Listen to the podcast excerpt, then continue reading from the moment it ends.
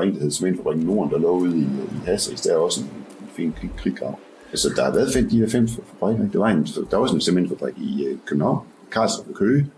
En gang var der mange.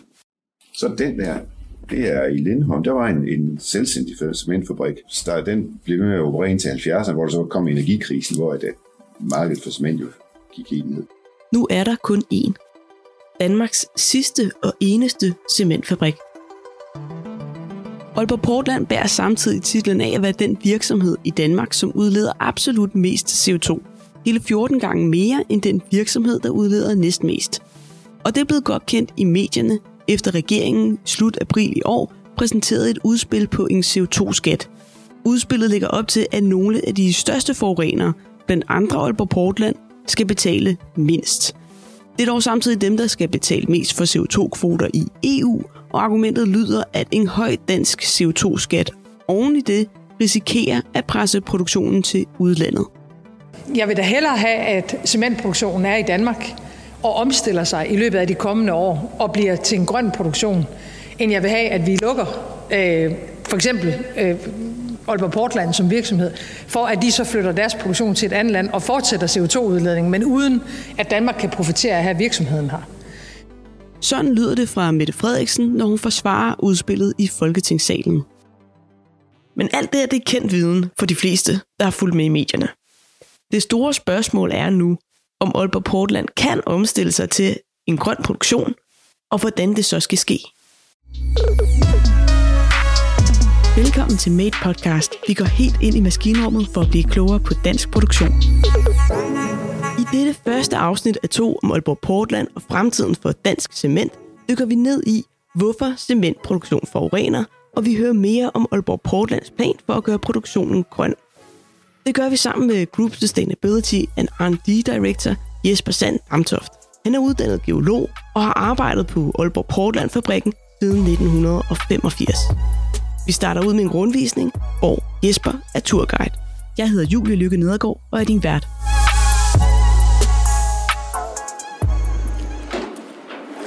Fortælle lidt om fabrikken. Den er fra 1889. Øh, så det er jo Det er en forårsdag med masser af sol, som skinner på enorme siloer og små bjerge af sand og kul. Den her fabrik den er simpelthen så indviklet, fordi den er, den er udviklet over de der 100 og 140 år efterhånden. Cirka 10 meter oppe i luften hænger et net af 70 meter lange metalrør, også kaldet roterovne. Det var den verdens største. Den lavede i midt i 30, start i 30. Men i stedet for at grave øh, den der silobygning, så lavede man bare et hul igennem. Og så øh, har de kørt røret igen. Det rasler, imens ovnene roterer over hovederne på os. Sjov lyd. Ja, det er fordi, der, altså den måde, det fungerer på, det er, at man har sådan nogle kæder, sådan nogle varmebestandige kæder. Og det, der kommer ind, det, det, er, jo, det er jo faktisk flydende. Så, så ideen er, at øh, på vej derned, så, så over, overfører den varme øh, gennem kæderne, det er jo metal, ikke? Ja. Ned til det der slam der, som så gradvist tørrer. Og så får du dannet altså, de her små kugler der, øh, klinker, øh, noduler. Den høje varme betyder, at man kan spejle et æg under de frithængende rør. Noget Jesper fortæller, at Aalborg Portland-medarbejderne endda har testet ved at sætte en pande med et æg på jorden under røret. Men varmen er også et vidne på, hvor meget energi det kræver at producere cement.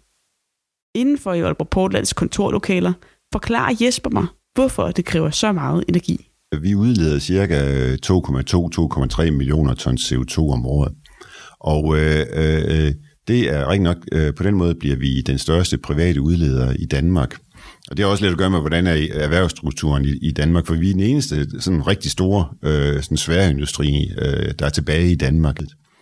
Men det er sådan, at, at øh, øh den måde, man laver øh, cement på, det er, at man tager nogle råmaterialer, som vi har enorme mængder af i Danmark. Det er nemlig kridt. Øh, vi skal så også bruge lidt andre materialer, og det øh, vil nok være sand, øh, som vi tager ind fra, fra Halsbare. Altså. Og øh, øh, så nogle forskellige aluminiumskomponenter. Og alt det, er, det behandles i en, øh, en ovn, øh, en cementovn ved 500 grader, øh, hvor der sker forskellige kemiske reaktioner, som til sidst øh, laver de her kunstige mineraler, som man, man kan kalde det, som, som, øh, øh, som cementen består af. Og det, der kommer ud af cementovnen, det kalder vi klinker. Øh, det er sådan nogle, nogle nødestore øh, noduler, kan man kalde dem. Og øh, dem fører vi så ind i en mølle, hvor man maler ned til, til et meget, meget fint pulver. Og det er så den færdige cement. Kort fortalt ryger materialer som kridt, sand og aluminium ind i en ovn, bliver opvarmet til 1500 grader og lavet til kugler, kaldet klinker, der herefter males til cement. Og så kan man stille sig et spørgsmål, hvor kommer CO2'en så fra? Jamen det kommer, man vil jo forvente, at det kommer fra den der store øh, temperatur, der skal, der skal til for at, at lave de kemiske processer. Men faktisk er det jo sådan, at øh, over halvdelen kommer fra den kemiske reaktion, hvor man tager kridten, som er calciumkarbonat, øh, og, og driver CO2 ud af, af kridten, som så øh, ryger ud i atmosfæren, kan man sige. Ikke? Men noget skal ændre sig. Enten i, hvordan cementen laves, hvad den laves af, eller hvor CO2'en fra produktionen ender. Det er jo fuldstændig, hvad det hedder, nødvendigt, at vi reducerer vores udledninger. Og der er øh, øh, forskellige ting, man kan gøre. Nogle ting kan man gøre med den teknologi, vi har i dag. Øh, andre ting, der skal man udvikle øh, ny teknologi. Og hvad er, hvad er sådan mål for 2030 og 2050? Der er jo indgået en aftale med, med regeringen, øh, hvor vi har lovet at reducere med 30 procent i forhold til 90. Og øh, øh, det er jo det, som, som, som vi arbejder på ud fra, hvad skal man sige, de ting, som vi ved, hvordan man gør. Så har vi et andet mål, øh, der siger, at vi vil være øh, netto 0 øh, i 2050. Og øh, øh, det er der, vi, vi ved, at vi skal anvende nogle teknologier, øh, som ikke er, øh, hvad skal man sige, helt så tilgængelige i dag, øh, både hvad angår de produkter, vi skal lave, og, og de processer, vi skal, vi, skal, vi skal indføre. Ja, og nu skal vi jo til at tale lidt om alle de her forskellige initiativer, som vi vil gøre for at nedbringe øh, niveauet af CO2. Men lige inden vi gør det, så vil jeg bare lige høre, for der er måske nogen, der tænker, øh, man kan bare elektrificere det og bruge grøn strøm, strøm i hvert fald på øh, den her del af udledningen, der kommer fra at skulle opvarme ovnen til de der øh, hvad, 1500 grader, eller hvad det var cirka. Øh, men det er noget med, at der er alligevel nogle begrænsninger på, hvad man kan gøre der. Kan du fortælle lidt mere om det? Ja, det er faktisk meget vanskeligt at øh, elektrificere en, en cementovn, øh, og det er ikke blevet gjort nogen steder. Altså, øh, det man kan sige, det er, at øh, øh for at komme op til øh, de 1500 grader og få varmen, hvad skal man sige, ud i, ud i, i den der øh, masse der, som, som skal reagere, der, der har man brug for en eller anden flamme, altså en eller anden masse lys i. Det transmitteres øh, gennem lys. Og, og det, det er svært at lave ved, øh, med elektricitet. Den forskning, der er lavet for at lave elektriske, hvad skal man sige, cementovn, den er ikke kommet ret langt. Og det er sådan noget meget avanceret noget plasma og sådan noget, den stil der, som, som i dag vil være meget energiintensivt øh, at lave. Så derfor vil vi hellere prøve at gøre nogle andre ting, som vi mener er noget, man kan gøre på, øh, på væsentligt kortere, kortere sigt. Og de her andre ting har Aalborg Portland arbejdet med i noget tid, faktisk siden 90'erne. Hvis vi lige vender tilbage til CO2-regnskabet, hvor meget har I reduceret altså fra 90 og til nu? Jamen, øh, øh, det, det, det er sådan et af de spørgsmål, der er lidt svært at svare på, fordi i virkeligheden i 1990, der lavede vi ikke ret meget cement. Så hvis du ser tallene, så vil du ret se, at vores CO2-udledning er gået op, fordi de producerer altså meget mere. Så, så, så, og, det, og det er jo også det, der, øh, der samtidig får os til at se lidt, uh, lidt dumme ud. Men altså, det er jo det problemet. Ikke? Vi har været rigtig, rigtig dygtige til at, at sælge cement. Men det her, det er jo faktisk kernen i hele uh, diskussionen på verdensplan. Fordi cementproduktionen på verdensplan er jo blevet 3-4 dobblet siden uh, uh, år 2000. Det skyldes, at cement i dag er en uundværlig del af beton. Og beton, det bruger vi overalt. Vi bruger det til vandrør, veje, broer, lufthavne, fundamenter til huse og til at lave fabrikker. Ifølge Jesper er årsagen til den enorme stigning i cementproduktionen en forbedret levestandard i udviklingslande. Der er en hel masse lande, øh, det, er jo, det er udviklingslande, ikke? som har behov for at få lavet noget infrastruktur, har få lov til at øh, har behov for at få lavet nogle huse, har lov til nogle fabrikker, sådan at, at deres befolkning kan få en ordentlig velfærd. Og det øh, fører jo også til øget udledning af CO2. Så derfor er hele, øh, hele hvad kan man sige, øh, hele øh, udfordringen, og det der den virkelig centrale udfordring på verdensplan, det er jo altså, øh, hvordan kan man få den her afkoblet, at CO2-udledningen stiger, fordi at produktionen stiger. Vi vil gerne, det er jo klart, vi er jo, vi er jo en privat virksomhed, vi vil gerne producere så meget som muligt, men vi vil helst også udlede så lidt som muligt. Og det er det, vi skal være meget dygtigere til, øh, end, end vi har været øh, hidtil. Øhm, men så kunne man måske også bare anfægte og sige, jamen så kunne man bruge noget andet end cement til de her ting. Jamen det, det, det, det kan man jo så bare ikke. Altså øh, det er klart, der er nogle, nogle steder, hvor man kan bruge alternativer. Man kan bare se sig omkring, altså byggerier bliver lavet af mange forskellige materialer. Men, men, men der er bare nogle, nogle grund altså nogle, nogle, nogle, nogle, nogle, nogle grundlæggende, en kælder bliver jo lavet i beton, ikke? Altså, et, et, altså et fundament.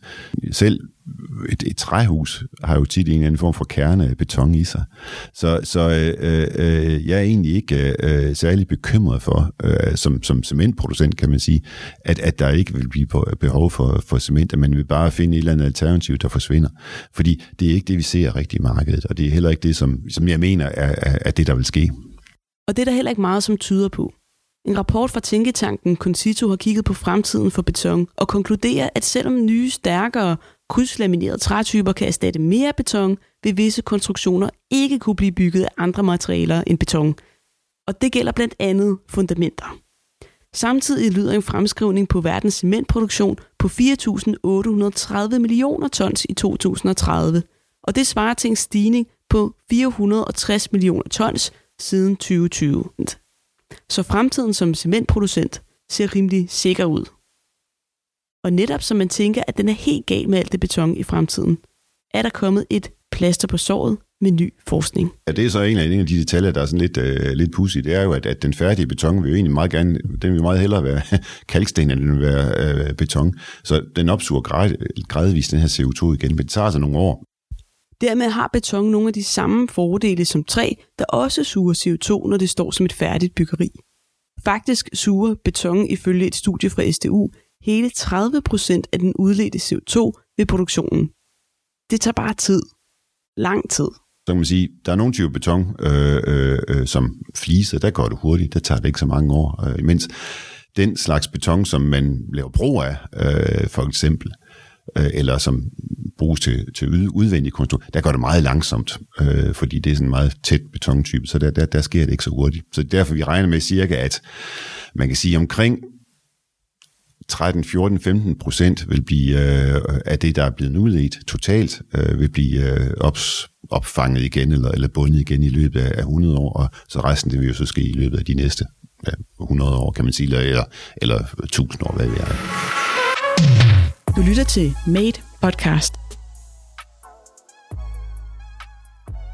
Hvordan er det, I øh, tænker, at øh, man kan gøre jeres produktion grønnere, bare sådan i nogle øh, overskrifter? Vi har ligesom tre, øh, tre søjler, kan man sige. Den ene, det er, jamen, kan man gøre noget med øh, selve øh, produktionsprocessen. Den anden, det er, kan vi noget gøre med noget af vores øh, produkt. Og den sidste, det er simpelthen, at kan vi udvikle nogle helt nye teknologier. Og der nummer en og nummer to, det er jo det, vi gør på kortet sigt, og Det er det, der ligger bag de, øh, de 30 procent. Og det kunne jo være sådan noget med, at øh, når vi nu skal hvad det hedder, brænde noget, noget brændsel for at nå op på de høje temperaturer, så vil vi jo sådan set helst hvad det hedder, anvende et eller andet, der, der er biomasse. Fordi øh, på den måde øh, bliver det jo sådan set øh, CO2-neutralt som brændsel. Det gør vi faktisk allerede i, i ret stort omfang øh, i en gårdproduktion. Der er cirka øh, en tredjedel, i det, her, det, er, det er jo biomasse. Så det reducerer faktisk vores CO2-udledning den dag i dag øh, ret meget. Vi øh, anvender en del af det, vi kalder alternativ brændsel, men som jo grundlæggende er øh, den del af affald, der ikke kan genanvendes. Der er også nogle andre øh, øh, øh, produkter, man kan sige, som, som er 100% øh, øh, biomasse, noget som det her kød og benmel fra genanvendelse af, dyr, af animalsk affald det, det er jo sådan noget, som, som vi også kan anvende i vores produktion, både det, det, den hvide og den grå cement. Er der et loft på, hvor meget I kan erstatte med biomasse? Som biomasse som sådan, der er der ikke rigtig noget loft, fordi der kan vi gå op øh, og erstatte det hele. Øh, men problemet er, at øh, det affald, vi anvender, jamen det har, det, i og med det affald, jamen så har det også altså noget, noget, indhold, vand for eksempel, som, som ikke er godt i produktionen, øh, og, og, og der kan være noget klor for eksempel, som, som, er, som vi har nogle, nogle grænser, grænseværdier for. Så, så det er simpelthen, øh, øh, det er simpelthen der gør, at, at vi ikke øh, øh anvender 100% den dag i dag. Men det er jo sådan noget, som vi forsker i, og vi prøver også at kigge på, om der er simpelthen andre former for biomasse, man kan få. Men man skal jo igen tænke på, at det skal også være bæredygtig biomasse, fordi ellers er det sådan set ikke meget øh, meget grønt i, øh, i, i, øh, i, i det tiltag. Men en ting er de brændsler, der skal bruges til at nå 1500 grader. Hvad med den kemiske proces i ovnen, hvor CO2'en drives ud af kridtet og ud i atmosfæren? Nu beskrev jeg før, hvordan produktionsprocessen er, at vi har de her klinker, som bliver lavet af, af, inde i, i ovnen, som, hvor der er en del CO2-udledning fra. Men, men man kan virkelig godt erstatte øh, i hvert fald en del af de her klinker med noget andet. Og der har vi jo så udviklet en, øh, en, en, en proces, hvor man tager noget ler, øh, som vi har masser af i Danmark, og brænder det ved lav temperatur. Her snakker vi altså om 700 grader eller sådan noget. Det er ikke meget lavere, og der er ikke noget, øh, eller der er ganske lidt øh, kalk i, så man har ikke den her procesudledning.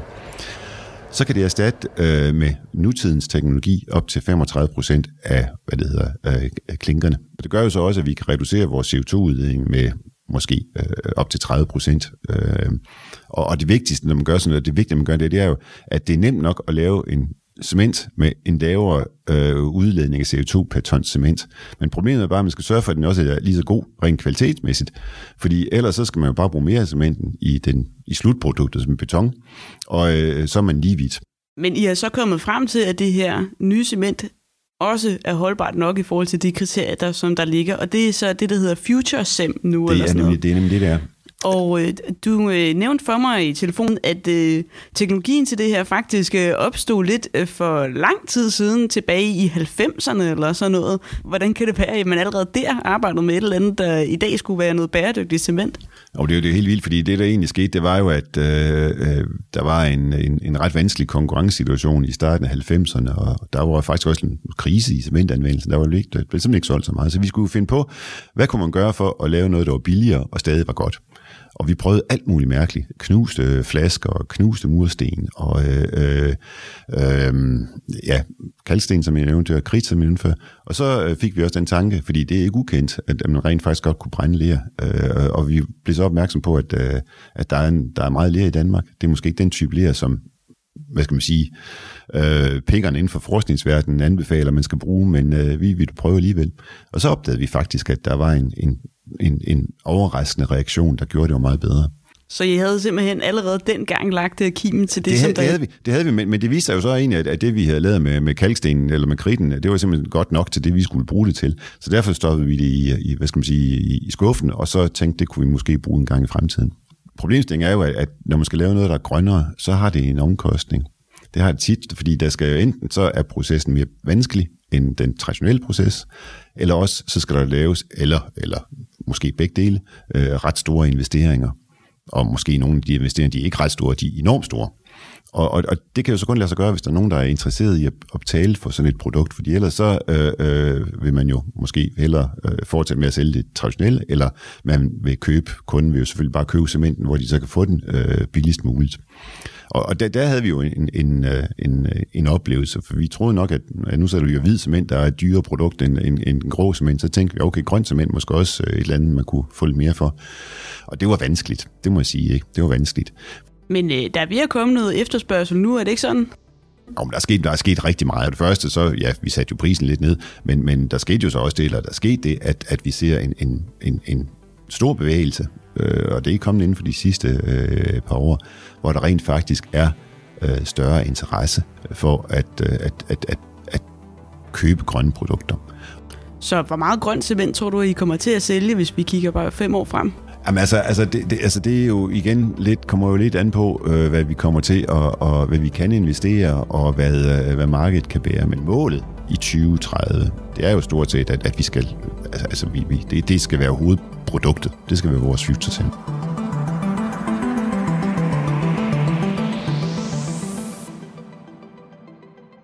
Aalborg Portland er medlem af Danmarks produktionsklynge MADE, som har indsatser inden for forskning, innovation og uddannelse. Og når jeg har den her podcast. Hos MADE har Aalborg Portland blandt andet fået hjælp til at udvikle en CO2-beregner. Den viser konsekvensen af at bruge en grønnere cement, både i form af CO2-besparelser og omkostninger på byggeriet. Det kan godt være, at cementprisen bliver væsentligt dyrere, men det endelige byggeri vil egentlig ikke blive ret meget dyrere. Så, så, og, men, men, og det, det er sådan noget, hvad man kan sige, at, at en, en CO2-beregner kan hjælpe med at, hvad det hedder, at, at vise. Det var sådan lidt i forhold til produktet. Så var der det her med selve produktionens udledning. Der har vi været inde på det her med andre brændsler. Ja.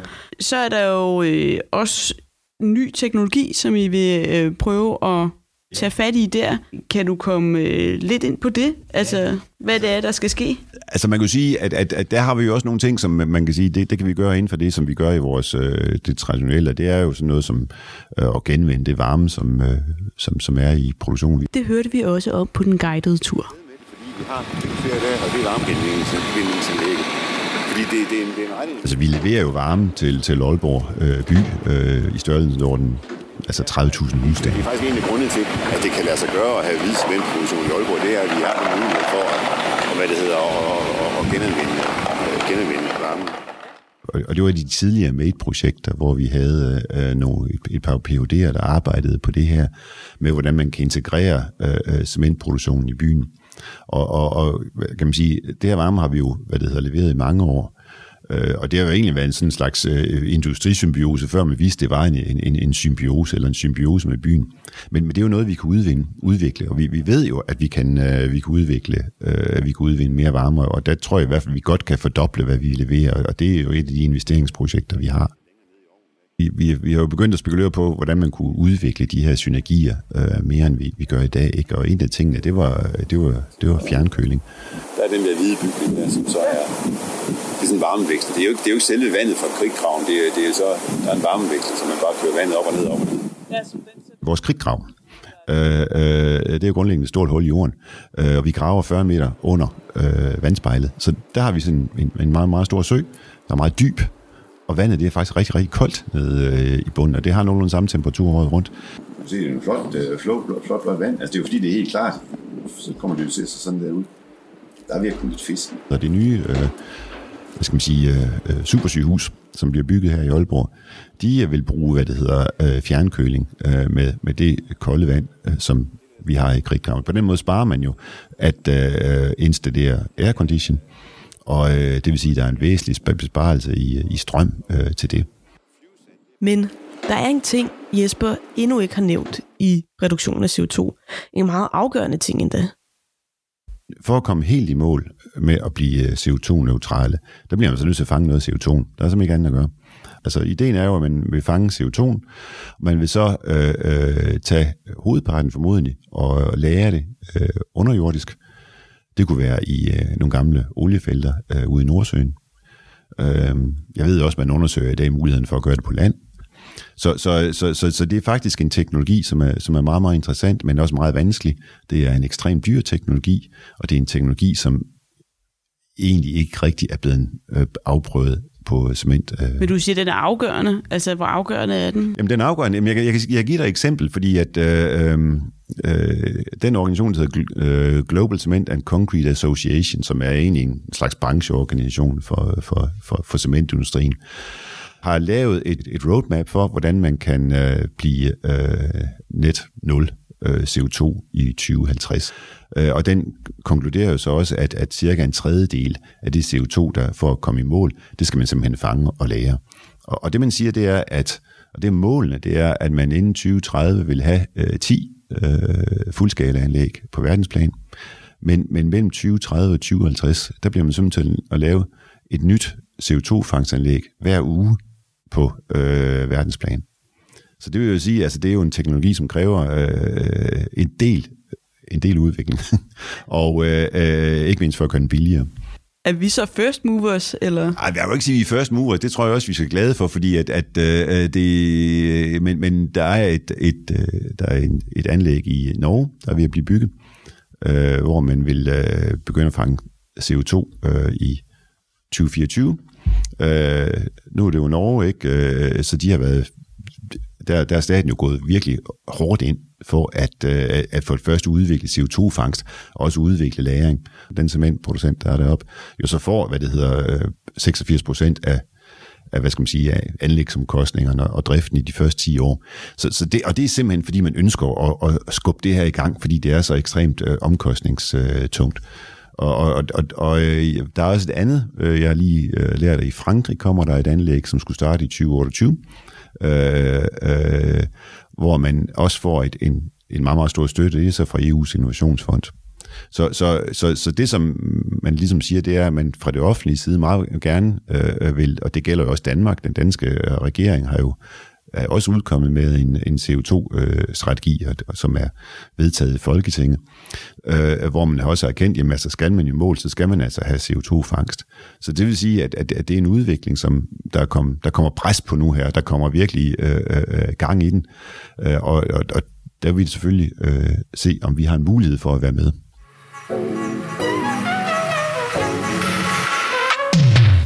Tak fordi du lyttede til Made Podcast.